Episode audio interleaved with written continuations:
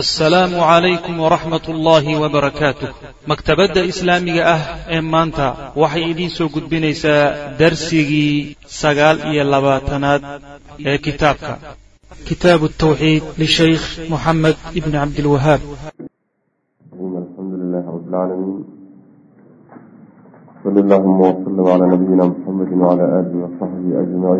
ama bacd قال المؤلف رحمه الله تعالى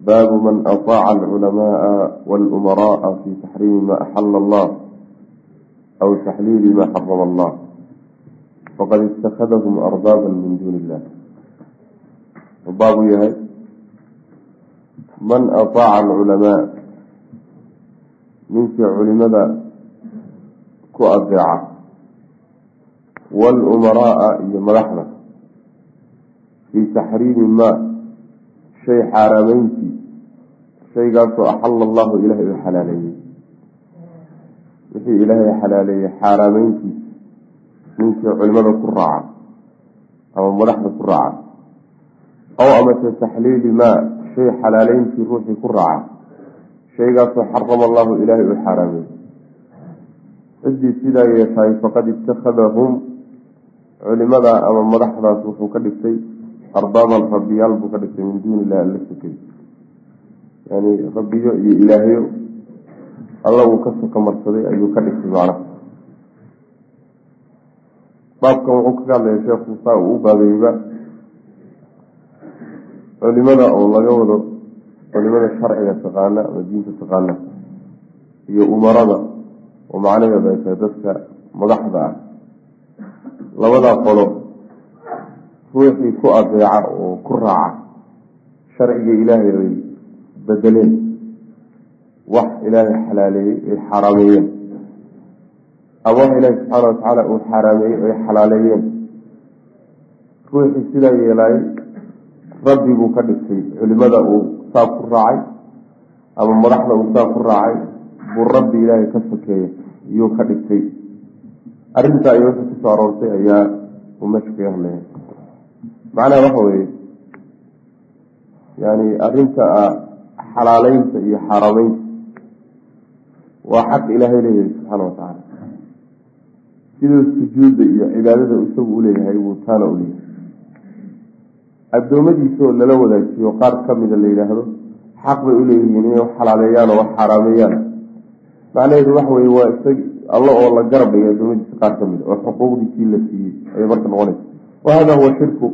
Gaalnimada waaba intaaba macna. Gaalnimo inta ka weyn ma ay jirto.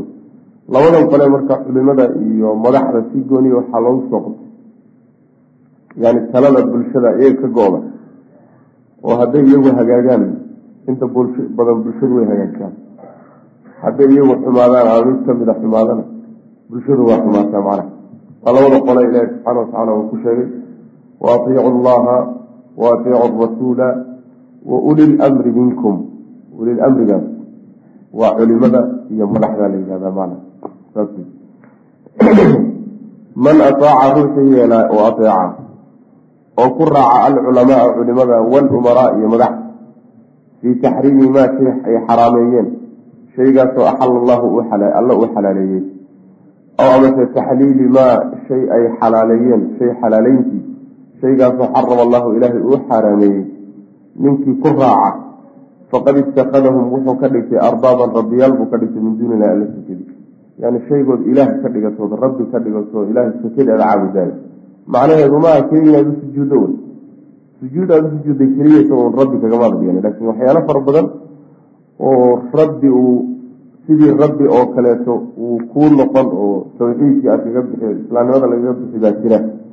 Waxaa ka mid a sharciga kaqaadashadiisa iyo daacadaasaa ka mid wa qaala ibn cabaas wuxuu yihi yuushaku yuushiku waxay u dhowdahay oy sigaysaa an tanzila inay soo degto calaykum dushiina xijaaratun dhagaxyaan min asamaai xagga sare inay dhagaxyaan idinkaga yimaadaan. Oo maxaa dhacay aquulu waxaan idin leeyahay buuri qaala rasuulu lah sal alay waslam rasuul allah saa yidhi wataquuluuna idinkuna waxaad leedihiin qaala abuu bakrin wa cumara abubakr iyo cumar baa radi allahu canhu waxa uu odhan jiray oo uu qabay tamasuca oo nooc noocyada xajka ka mid ah in ay bannaan tahay saasuu qabay macnaha inay ka fadli badan tahay xajka qaybihiisa kale tamasuca macnaha waa cumradoo gooni loo cumraysto iyo isla bilahaas yani bilaha xajka oo bishii haddaan soo dhaafnay iyo tan iyo dilxija oo inta la cumraysto. Haddana isla sanadkaasi la xajiyo waay macna. Waa cumrada camaasheedina gooni laga dhigo xajka acmaashiisina gooni laga dhigo isla waktina yihiin oo macnaha isla bilo ay yihiin tamatuca la yidhahda marka marka cabdullahi bni cabaas wuxuu dhihi jiray tamatuca ka fadli badan qaybaha kale xaj sida ifraadka iyo qiraanka labadaba. Wuxuu u deliishan jiray marka nabiga salawatullhi wasalaamu aleyh axaadiistiisii oo ay ka mid tahay nabigu xadiiskuu dhihi jiray low istaqbaltu min amri ma stadbartu yani haddii aan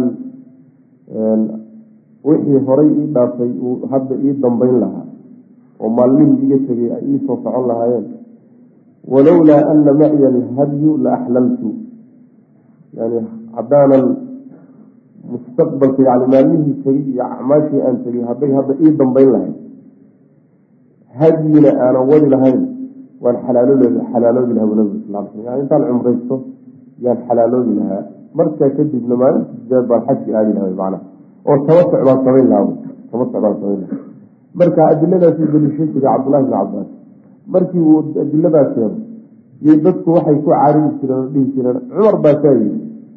Oo abubakar baa sidaas yidhi. Markaasuu hadalkan yidhi. War aniguna waxaan idin leeyahay nebi maxamed baa saa yidhi salawatullhi wasalaamu caleyh idinkuna waxaad leedihin abubakar baa saa yidhi iyo cumar baa saa yidhi. Ma nebi alle sal alay wasalam iyo cumar iyo abubakar baad hadalkiisa yani waxa weya isku meel dhigaysaano ay isku manzilo idinla joogaan waxaan ka cabsan buri ciqaab ilaahay inay samada idinkaga timaado oo dhagaxyaan laydinku garaaca macna saas wey macnaha waxa weye cumar abubakar iyo cumar mushariciin ma ah. Wax ma jideeyaan waxna ma xalaaleeyaan waxna ma xaraameeyaan. Laakiin musharica ilaahay subxaanahu watacaala sharcigiisa soo gudbiyeyna soo gaarsiiye waa nebi maxamed salawatullhi wasalaamu caleyh saas daraadeed isagaa macsuum ah. Cid alla cidda ka soo hadhoo dhanna macsuum ah yukhti waysiid waana gafayaa wax saxana waa odhanaya wax qaladana waa ka soo fulaya wax alla cid walba oo nebi maxamed ka soo hadhay salawatullahi wasalaamu caleyh marka cabdullahi bni cabaas labada nin ee uu saa ku leeyay ma diidana hadalkooda iyo ficilkooda iyo dhaqankooda iyo ma diidana oo waa labadii nin ee nabigu sal lay slam ummadaba uu kula dardaarmay in la raaco. Iqtaduu biladayni min bacdi abi bakrin wa cumara buu nabigu sal lay wasalam yani labada nin ee iga dambeeya ee abubakar iyo cumara ku dayda saasuu nabigu sal lay wasalam xadiis kale wuxuu nabigu ku yihi in yutiicuu abaa bakrin wa cumara yarshudu. Hadday abubakar iyo cumar ay dadku yeelaan ay adeecaan way hanuuni. Marka nimankaasi waa nimankii labadii nin ee ummadaba ugu fadli badnaa wey taqriiban. Laakiin hadalkoodu wuxuu noqonayaa yani waxa weyaan uu meesha ka baxaya markii nebi maxamed salawatullhi wasalaamu caleyhi uu hadal ka soo ororo macna. Markii la yidhahdo nebi maxamed baa saas yidhi. Abubakar baa saa yidhi cumar baa saa yidhi warmana meesha ma taalla macna. Taa way mida la oo in qowlkooda iyo iyagu wixii ay yani fatwoodeen in hadalka nebigi iyo ficilkiisii iyo sharcigii lagaga hortago taa wey mida cabdullahi bni cabaas marka diiday yuushiku waxay sigaysaa ku dhowdaa an tanzila inay soo degto calaykum dushiina xijaaratun dhagaxyaan min asamaai kor inay idinkaga soo degaan dhagaxyaan laydinku ciqaabay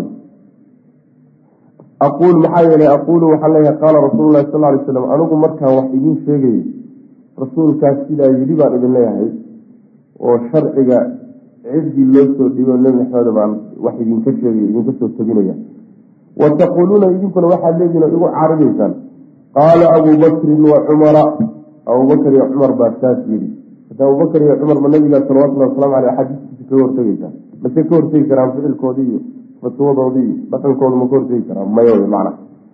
Saasuu macnaha le wa qaala imaamu axmed imaam axmed baa wuxuu yihi cajibtu waxaan la yaabay buuri liqowmin dad oo carafuu gartay alisnaada sanadka bartay.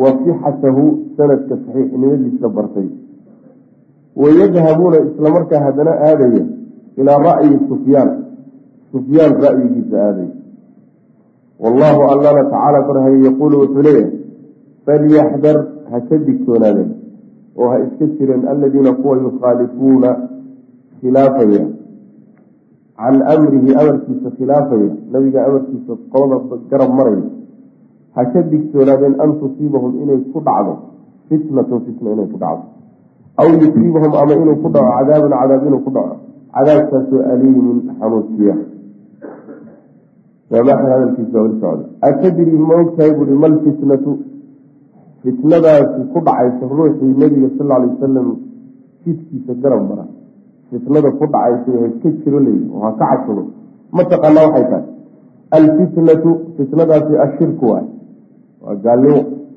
lacalahu maxaa yeelay lacalahu waxaa laga yaabaa idaa radda haddii uu diido bacda qowli nabiga hadalkiisa qaar ka mida hadduu diido waxaa laga yaabaa an yaqaca inuu dhaco fii qalbii qalbigiisa shay-un inuu ku dhaco oo min azaydi leexasha fayahliku marka uu halaagsamo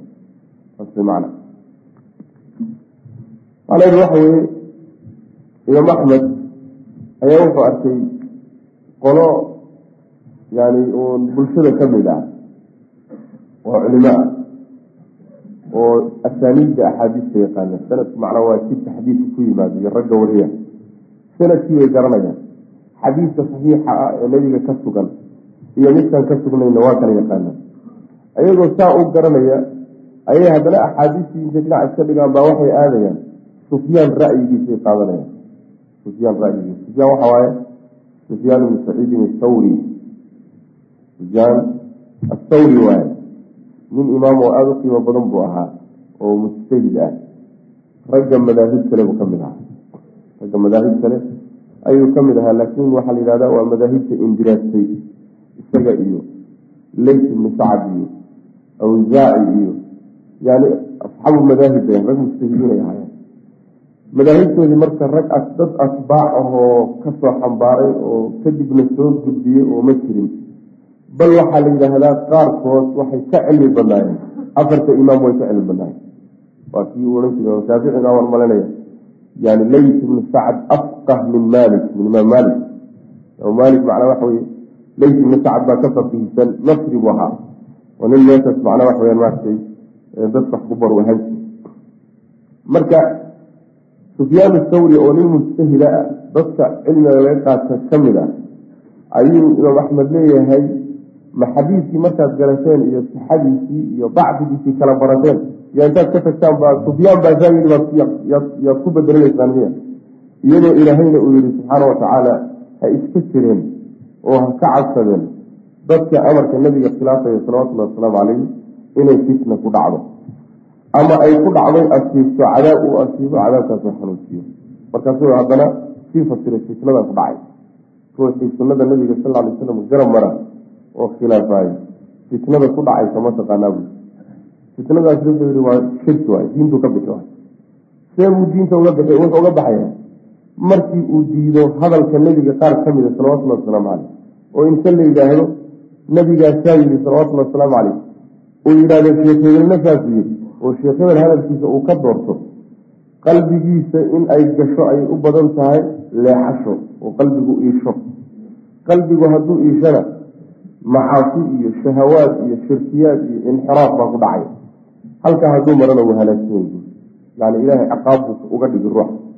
Sunada nebiga sal lay slam garab mara oo qowlu fulaan iyo qowlu callaan hebel baa saa yiri iyo sheekh baa laga soo raray iyo kitaab hebel bay ku taallaa iyo halkaa mara ilaahay subxaana watacala wuxuu ku ciqaabaya in qalbigiisa la leexiyo xaqa laga leexiyo culimada marka iyo culimadii diinta macnaha u soo adeegtay. Laga soo bilaabo nabigeena salawatullahi wasalaamu calayhi saxaabadiisii waaweynaa iyo ragga culimada ahaa. Ilaa yowmina haada laga gaadho rag baa diinta u shaqaynayey oo u adeegayay oo waktigoodii iyo xilligoodii iyo ku bixiyey oo kala dhigdhigay oo faahfaahiyey oo ku bixiyey maaragtay wax alle waxay dadaal heli kare o dhan ku bixiyey. Raggaa marka dadaalkooda ma waxaa laga wadaa? Iyo wixii midha ay soo saareen. Yani waxa weeye badda ha lagu daadiyo saasaa laga wada yani makaatibta islaamiga haddaad gasho. Yani mawsuucaad waaweyn oo fiqi ah. Aada u waaweyn. Oo intaasoo macnaa waxa mujalad ka kooban. Waxaasoo dhan ma hala baadiya.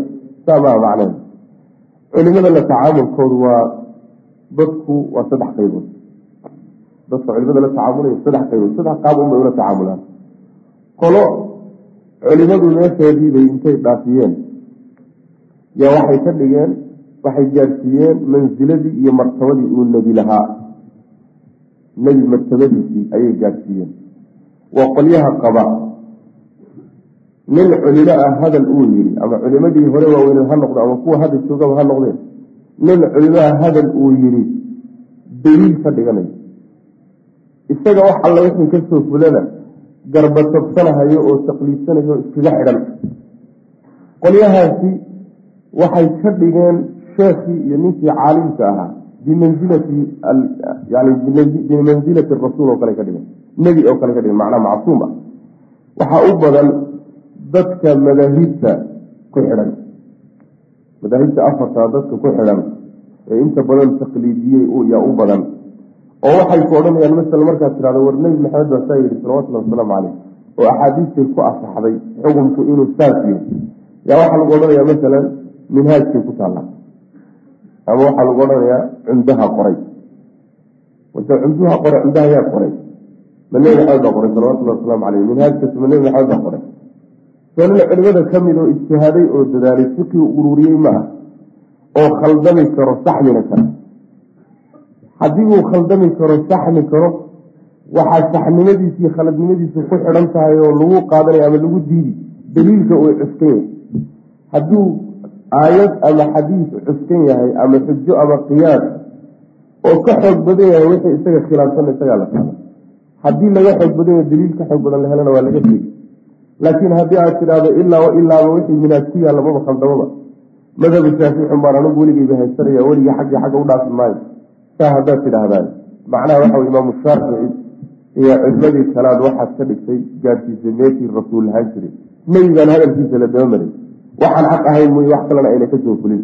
Laakiin in intiisa ka soo hadhan macnaa waxa wey waana khaldamaan waana saxmaan macna qolo qoladaas wey qolo kalaad jirto oo a'imadii iyo culimadii dadaalkoodii hal lagu lisay ka dhigay. Oo odhanaya naxnu rijaal wahum rijaal annaguna rag baanu nahay ayaguna rag bay ahaayeen. Oo macnaha aan turaabtii cilmiga ahayd iyo dadaalkii iyo kutubihii fiqhiga ah culimadii madhahay soo saartay iyo aan ka faa'iideysanay macnaha qoladaana waxaa ku jirta waxoogaa iyagana qab baa ku jira isla weynan ah culimada darajadoodii iyo mansiladay lahaayeenna waa ka hoosmarinaya khayrku labadaasu udhexeeya khayrku labadaasu udhexeeyayo waxa weeyaan culimadu wixii ka soo arooray ha laga faa'iideysto waxaana looga faa'iideysanayaa inay khaldami karaan saxmina karaan. Qowlkoodana waxaa lagu qaadan ama lagu diidi kolba daliilku wa saas man hadduu daliil xoog badan watana waa la qaadan. Hadduu daliilkiisu daciif yahayna waa laga tegi jidkaa wey jidka saxda iyadoo culimada la ixtiraamayo macna.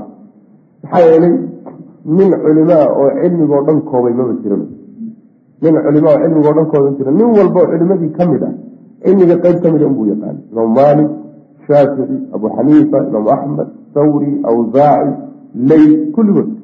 Saxaabadii nabiga salawatullhi wasalaamu caleyh kuwan iska wadaayo nin cilmiga ururiye ma jira nin walba waxunbuu ka yaqaana waxna waa ka maqnaaya wixii ka maqnaa marka nin kaleo culimada ka mid ah madhab shaafici haddaynu masalan soo qaadano soomaalida haysato masaa-il badan baa lagaga xoog badan yaho madaahibta kale kaga xoog badan yahy daliil ahaan marka la yidhaha masaa-il badanna isagaa ku xoog badan. Masaa-il waxaa ku xoog badan xanafiga.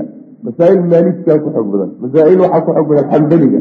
Waxaa loo daaya marka adigu kolba meeshii xoog badan in aad marto daliilkaad raacdaan rabo laakiin aadan odhanin ilaa wa ilaaba yani waxa weye minhaaj ma khaldamo.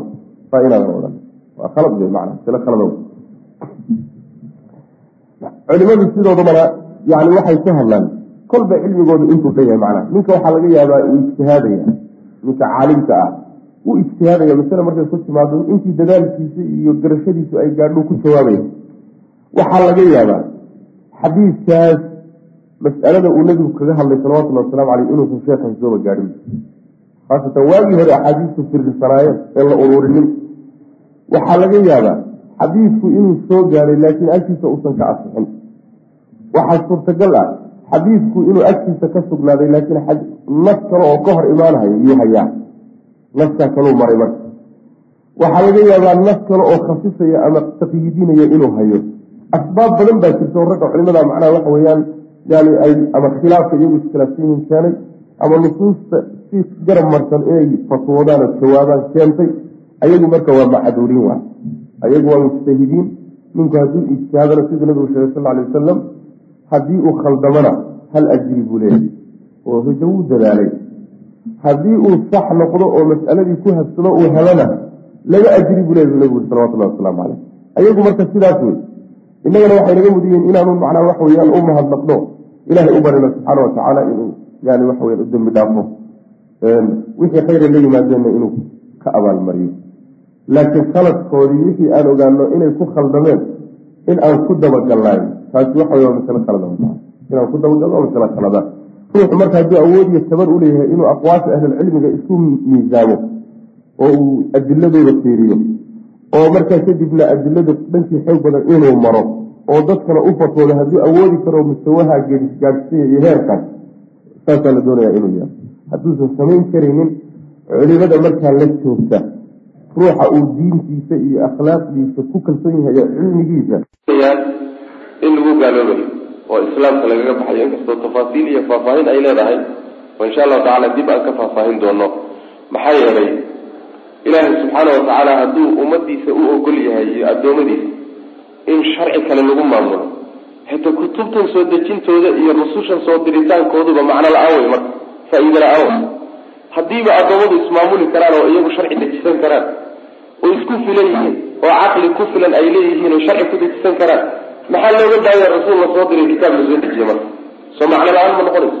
Saa un bay noqon macna sidaa daraadeed nidaamyadan taata macnaha waxa la yidhahdo hadda yani andimadan caalamku inta badan hadda hayste dimuqraadiyada khaasatan la yidhahdo macnaheeduna ay tahay yani inuu bulshada isxukumto waxaa la yidhahda macnaha waxa wey xukmu shacbi lishacbi baa la yidhahda shacabka oo xukumo isagu isxukuma qayb shacabkii ka mid oo la soo xulay oo shacabku soo doortay iyo axkaamta dejinaysa iyo sharciga sharcigaasna yuu ku fulaya bulshadii soo dooratay buu ku fulaya qoladaas marka waa baarlamaanka wa majaalista baarlamaanka ayaa tashriica iskale waxaa la yidhahdaa majaalisu tashriicna waa la yidhahdaa majaalis lbarlamaanna waa la yidhahdaa majaalis niyaabiyana waa la yidhahdaa. Marka ayagaa wax alla wixii xalaaleyn iyo xaarameyn iskale ilaahi subxaana watacaala sharcigiisu wuxuu sheegay haddii maanta ay ka soo baxdo yidhaahdaan waa xalaal waa xalaal. Sharci dheg loo dhigi maayo. Waa xaaraam hadday yidhahdaan waa xaaraam. Zinada hadday xalaaleeyaan waa xaraam khamrada hadday xalaaleeyaan waa xaraam masaajidda hala wada xidha hadday yidhahdaan waa hala wada xidho saas marka yaa iskale hawsha iyada ilaahay baa lahaa subxaana watacaala hawl ilaahay leeyahay oo rag boobay. Raggii boobay haddii marka lagu garab istaago oo macnaha waxa weeyaan loogu hiliyo sidaa lagu adeecay. Kuwa adeecay iyo kuwa boobay labadaba macnaha waxa sharciga waa ka baxyan diinta waa ka baxyan macna faahfaahinteeda insha allahu tacala waa inoo imaan doontaa masale saalan maa fiihi masaa'il baabkan masaa'il badan baa ku jirta. Alula masalada koowaad waxa wey tafsiru aayat nuur aayat nuur tafsiirkeeda. Waa aayadii falyaxdar aladiina yukhaalifuuna can amri. Athaaniyatu masalada waxa wey tafsiru aayati baraa. Suuratu tawba aayadii ku saarantay itakaduu axbaarahum wa ruhbaanahum aayaddaas wey athaaniyatu masalada saddexaad waxa wey atanbiihu baraarujin calaa macna alcibaadati. Cibaadada macnaheeda in laysku baraarujiy allatii taasoo ankarahaa uu diiday cadiyun cadi cadi uu diiday. Saxaabiga cadi aha cibaadada uu yidhi maanaan samayn jirin oo macnaheeda iyadana uu sheego.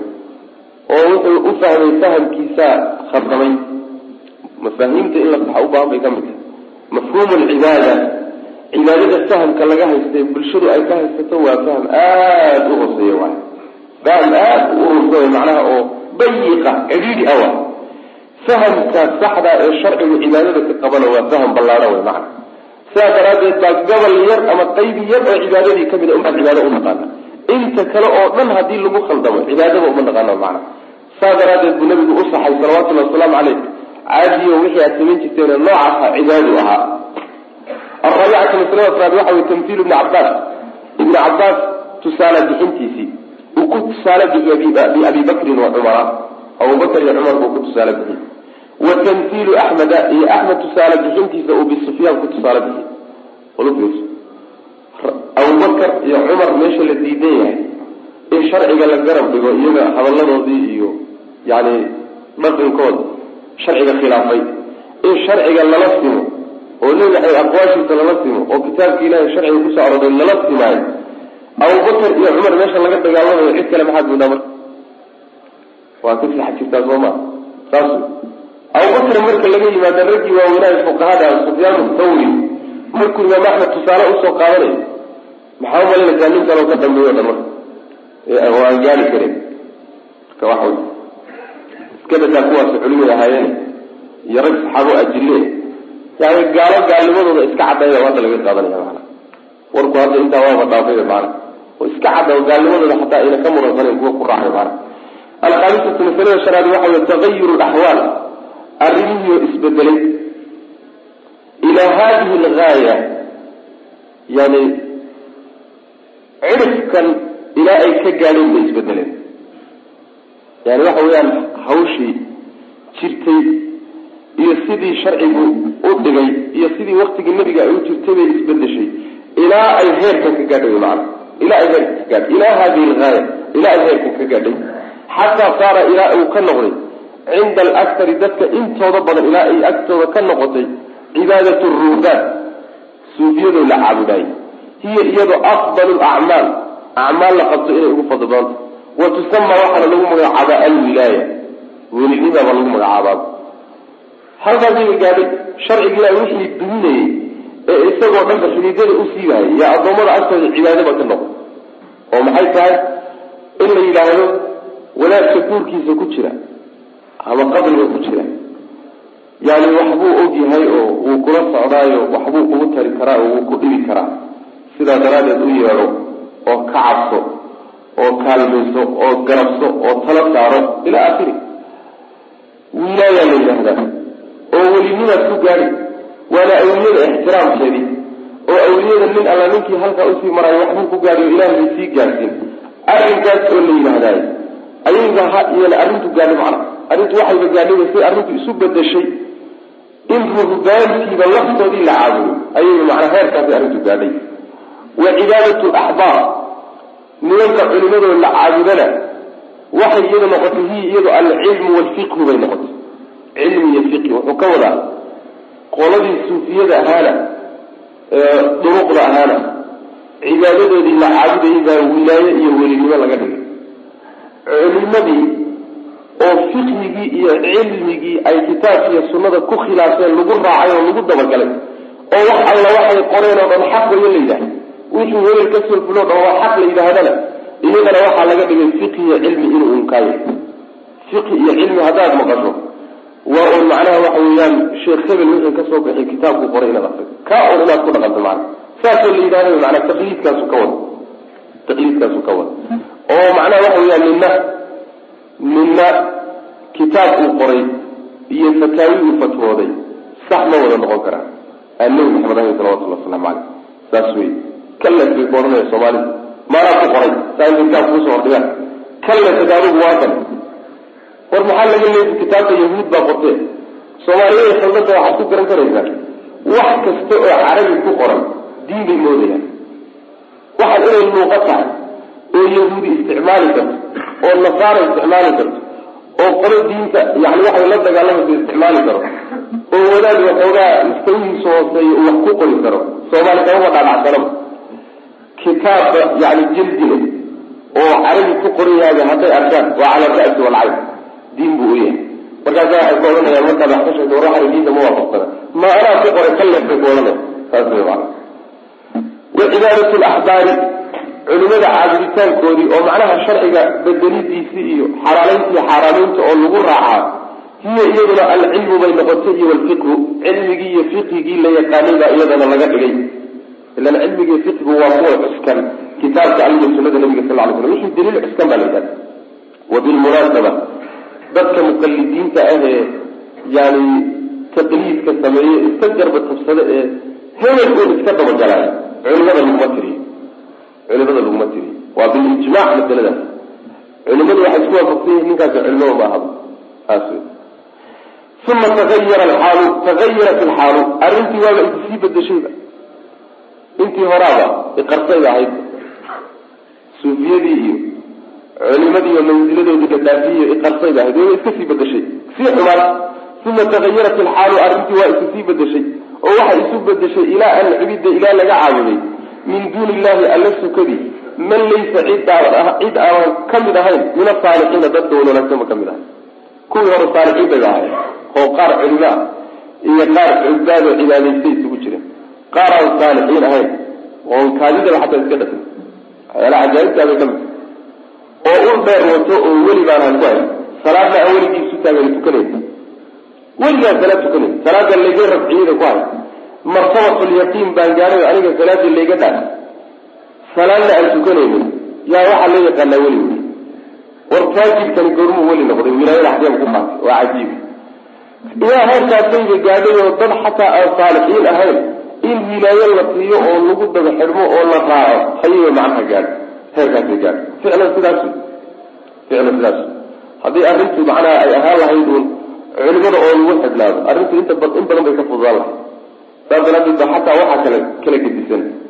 Yani abwaabta duruqda suufiyada iyo culimadii fiqigu waa kala gedisan yihiin culimadii fiqiga macnaha kutubta minhaajka iyo cumdaha iyo yani abshujaaca iyo akrin jiray.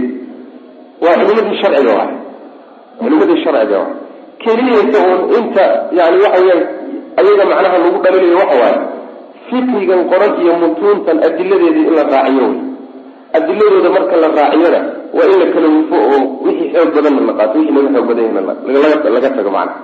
Wax weyn marka iyagu macnaa waxa wey markii durugsano yani waxa weyaan waxay un ka turjumayaan sharcigii bay ka turjumayaan xoogaa qaladaada baan ku jira. Laakiin nimanka tegey waa nimankaa kale wey macna. Qoladaa iyagu laftoodu asalkoodii hore dad quman oo cibaadaysto oo xagga cibaadadiiyo ku fiican ku dheereeya ubay ahay laakiin gadaal dambaa inta la dhex galay. Yay balaayo dhan dhex gashay. Markaasi waxay noqotay abeesagaleen bay marka nin walba intuu duub weyn qaato oo ul faraacyala qaato oo yani waxa weyan gawiis qaato oo yuu dadka dhex mariyo. Markaasa waxa weyaan maarata hadaya waxaas waxaa samay waaban kala fuuriba samadaa soo dhici oo dhulkaa duli oo xoolaha baabi oo khalaas shaqay noqotay marka. Dadkii iyo bulshadiina kuwaasay ku xigeen oo culmo moodeen heerkaasi gaar. Wa cubida waxaa la caabuday bilmacna thani macnaha labaad ee cibaadadana waxaa lagu caabuday man cid huwa isaguba min aljaahiliina jaahiliinta. Macnaha labaad cibaadadu muxuu yahay? Bilmacna thani muxuu ka wada yaa sheegi kara. Ya daacada saas aha adaaca walitibaac waay macnaha horena waa cibaadadii macnaha waxa weyaan maaragtay baryada iyo uluhiyada ahayd. Ee baryadooda iyo ugawricidooda iyo yani kala saarashadooda iyo qeybta hore cibaadada macnaha hore kaasu ka wada macnaha labaadna wuxuu ka wada adaaca walitibaac xalaalaynta iyo xaaraamaynta lagu raaca wey macna ayadana waxaa laga qaatay lagu raacay dad jaahiliin ah. Dad jaahiliina dadkii culimo isaga dhigay oo inay diinta yaqaanaan isaga dhigay oo u fatwooni kuwaasaa marka lagu xidmay macna oo diintiina laga qaadanay. Sidaas macnaha waxa weye arrintii heerkaasay gaadhay hadda wayba iska soo bedeshayba culimadii sharciga yaqaano hoos bay u dhacday macna marka waxaa la doonayaa in macnaha waxa weeyaan dadku ay ku xidhmaan kitaabka ilahi iyo sunada nabiga sal ly slam iyo culimada taqaana kuwa iyagu xidhmaan la doonaya ayaga laftoodu meel fog wax ka keeni maayaan culimadii hore ka horreysay unbay ka faaidaysanayaan wixii laga xoog waa ka tegayaan waxay ku xoog badan yihiin iyagay ka qaadanayan maana madhab mucayanana ma jiro. Madhab mucayan oo ruuxu ku qasban yahay inuu raacay. Haba yaraatay ma jirto macana arrintaasi arrin salle maaha wailaa waxay noqonaysaa in nebi maxamed salawatullhi wasalaamu calayhi uu ka tegay afar imaam oo uu ka dardaarmay ma jirto. Aayad qur'aana iyo xadiis nebi oo kutusaya ma jiro inay ummaddani afar imaam yeelan doonto afartaa imaamna lagu kala dabafaylo oo ummaddu ay u qaybsanto. Wax xadiisa kutusaya ma jiro. Waa culimo dadaashay kadibna arday yeesheen fikrigoodii baa faatay iyo dadaalkoodii waa la qaatay ummadday soo gaadhay ma xuma dhankaa marka laga fiiriyo oo faa-iidooyin badan baa laga helay. Laakiin waa in la isku celceliyo oo mid walba meeshuu ku xoog badan yahay daliil ahaan ku xoog badan yahay waa in la qaato meesha lagaga yahay waa in laga tago. Hadduu shaafici hadduu abu xaniifiya hadduu axmed iyo hadduu maalik saasaa macnaha loo baahay hada bilahi tawfiiq. Wasala allahuma wasalam cala nabiyina muxamed walaalayaal darsigaani halkaas ayuu ku eg yahay. Allah tabaaraka wa tacaala waxaan ka baryaynaa inuu nagu anfaco. Assalaamu calaykum waraxmat ullaahi wbarakaatuh